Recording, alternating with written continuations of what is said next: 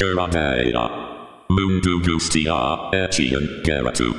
Pistu iratia. Mila esker.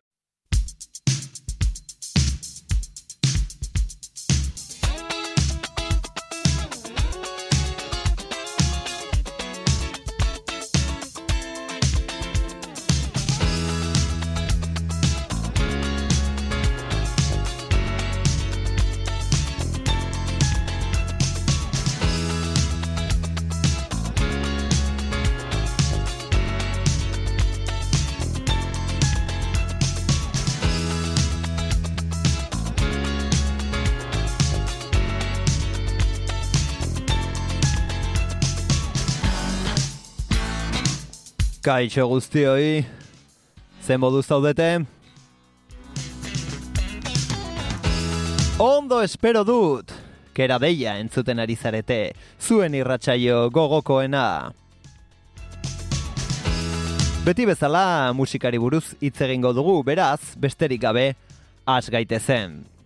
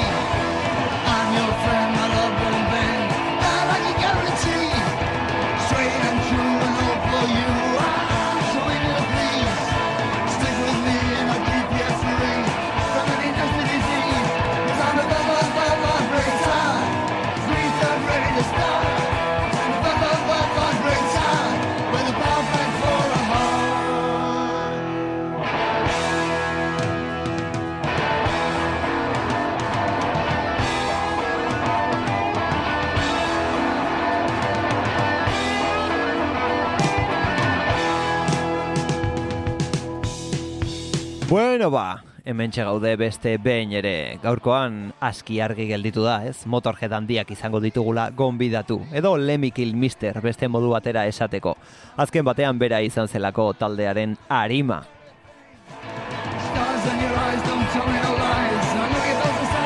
Mila bederatzireun eta irurogeta amabostean sortu zen taldea Londresen eta berrogei urtez egon ziren taula gainean Lemi hil arte. Eta ibilbide luze horretan hogeta bi diskoko ondarea utzi digute. Batzuk on parole diskoa bere diskografian sartzen dute, baina guk ez, gero esango dugu zergatik.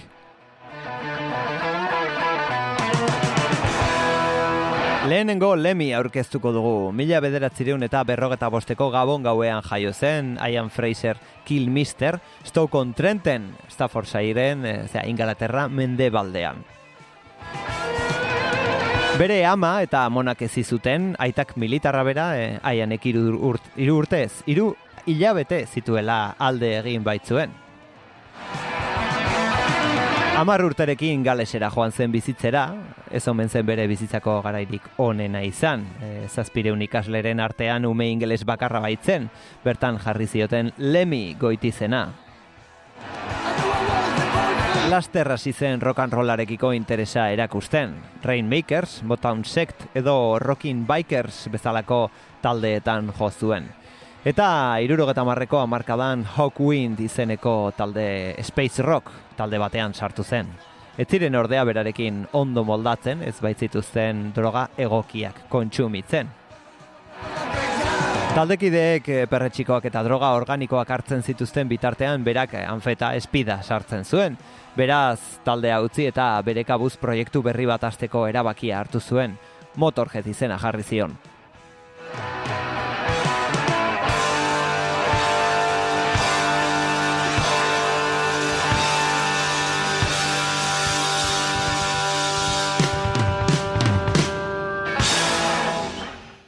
Mila bederatzireun eta irurogeta amazazpian, Phil Filthy Animal Taylor eta Fast Eddie Clarkekin lehen diskoa atera zuen, Motorhead.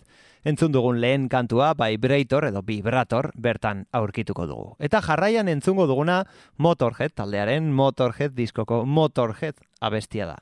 Beraz, berrik eta gutxiago eta igo volumena, hau da, Motorhead.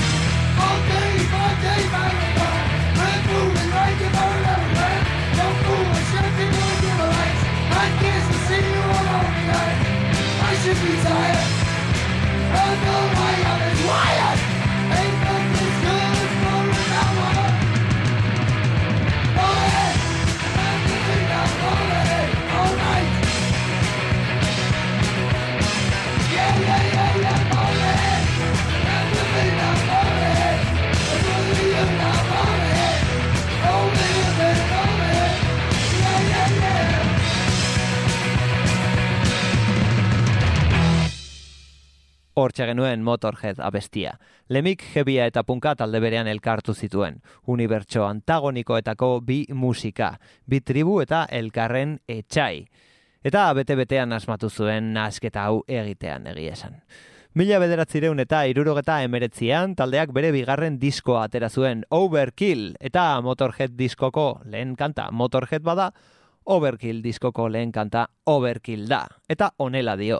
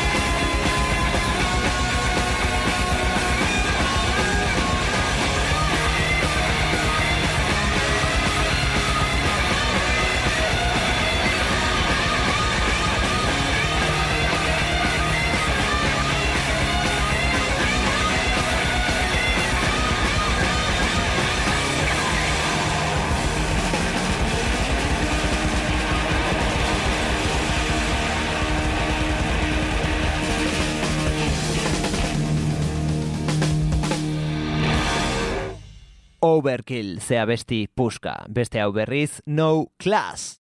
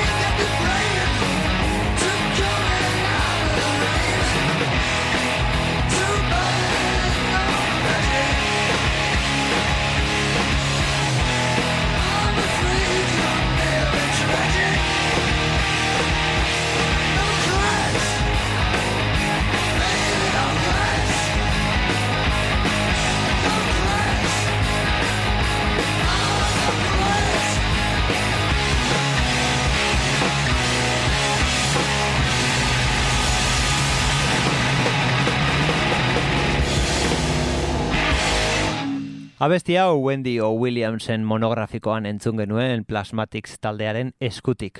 Oraingoan jatorrizko bertsioa entzun dugu, No Class, oso soinu borobila eta pisutsua dauka. Lemik nahi zuena rock and roll oso oinarrizkoa, ozena, paranoikoa, arroa eta zaratatsua zen. Eta argi dago lortu zuela.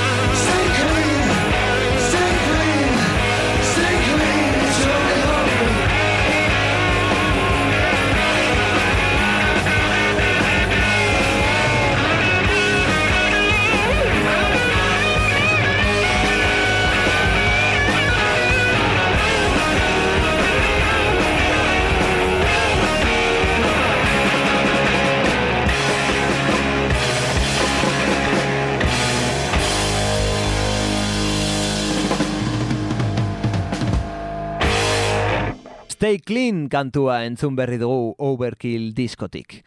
Mila bederatzireun eta irurogeta emeretzian Motorheadek bi disko atera zituen, bi lan, Overkill eta Bomber.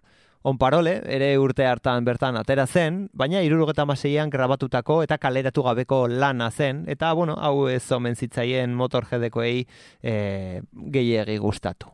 Etzen taldearen argitalpen ofizialtzat jo. Horregatik esaten da, hogeta bi disko kaleratu dituela Motorheadek bere ibilbidean, eta ez hogeta iru.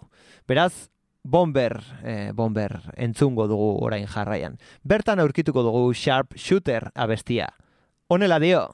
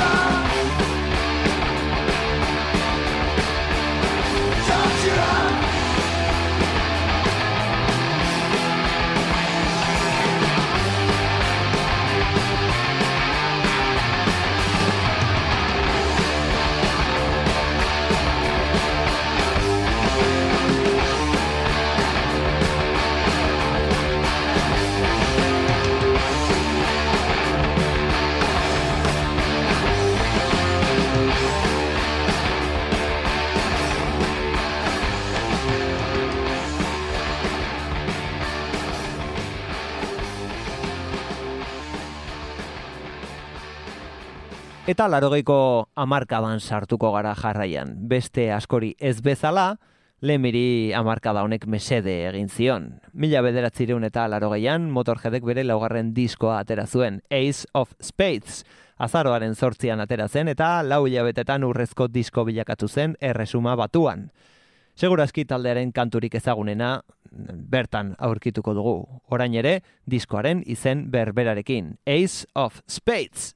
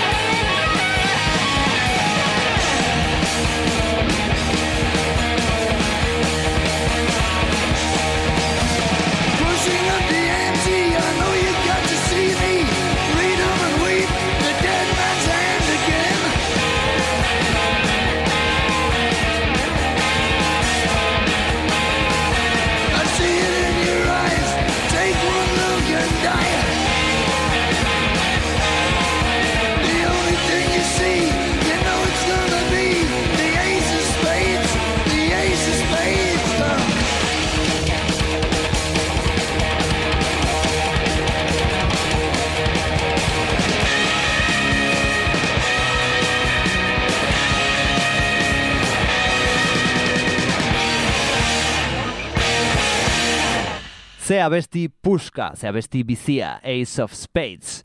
Bateko pika, kartaiokoan, apostuan ibili da lemi. Galtzeko jaioa naiz eta jokoa ergelkeria bat da, baina, bueno, hau da maite dudana, ez dut eta betiko bizi nahi, hori dio letrak. Afizio handia zion jokoari, e, bere toki naturala, lemirena alegia, e, tabernako txampon makinan eserita egotea zen. Urrengo abestia The Chase is Better da. Honela dio.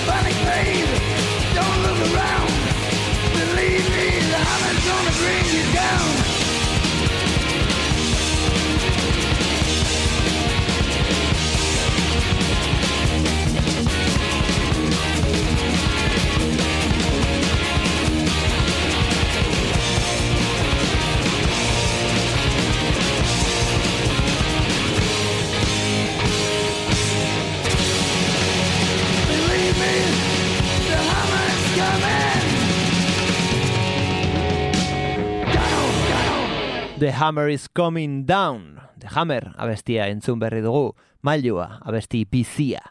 Eta Ace of Spades lana atzean utzi eta aurrengo diskoari ekingo diogu, Iron Fist, burdinezko ukabila. Pertsonalki hau iruditzen zait, motorjeden lanik potenteena, naiz eta Ace of Spades eta Overkill kantuak beste albumetan dauden, ez? Iron Fistek irekitzen du izen bereko lana.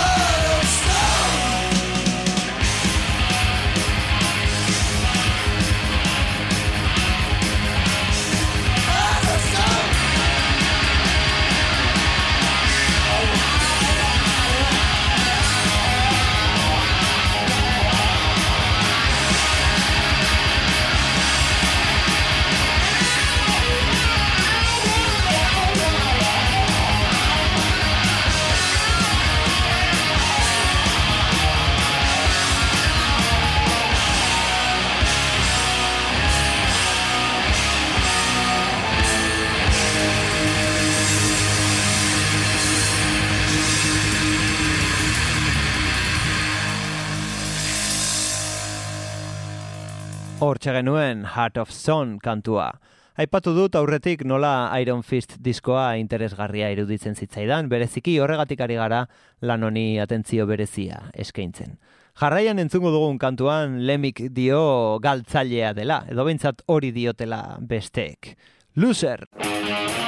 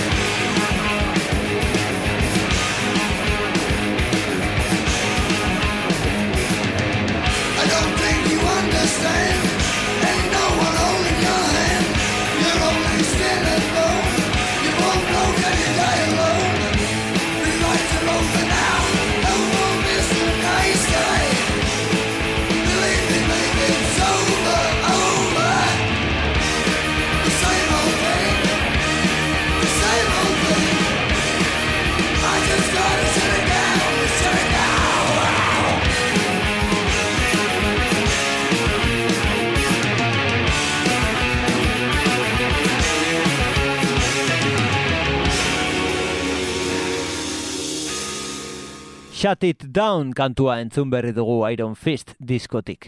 E, disko hau Lemmy, Fast Eddie Clark eta Phil Filthy Animal Taylor edo Three Amigos formazioa izan zuen azken lana da. Eta honetatik entzungo dugun azken abestia, Speed Freak dugu. Honela dio.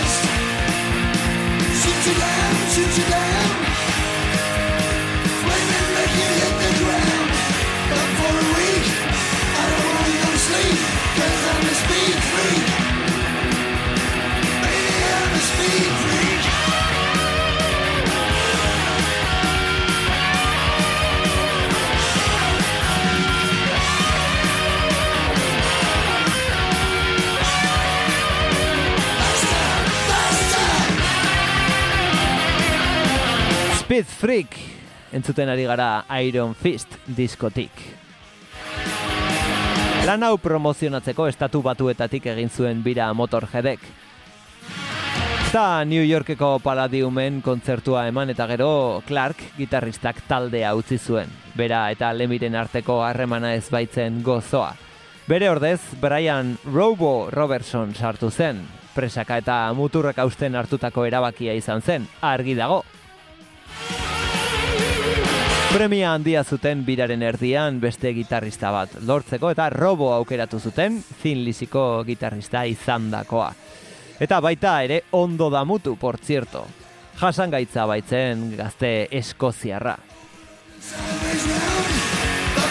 Another Perfect Day grabatzera sartu zirenean, estudioan eh, abesti bakarra grabatzeko egun oso bat pasatzen zuen, behar izaten zuen, ez?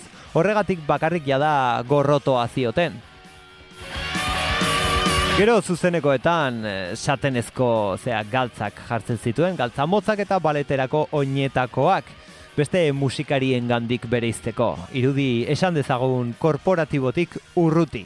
Eta hau lemiri noski ez zitzaion bat ere gustatzen.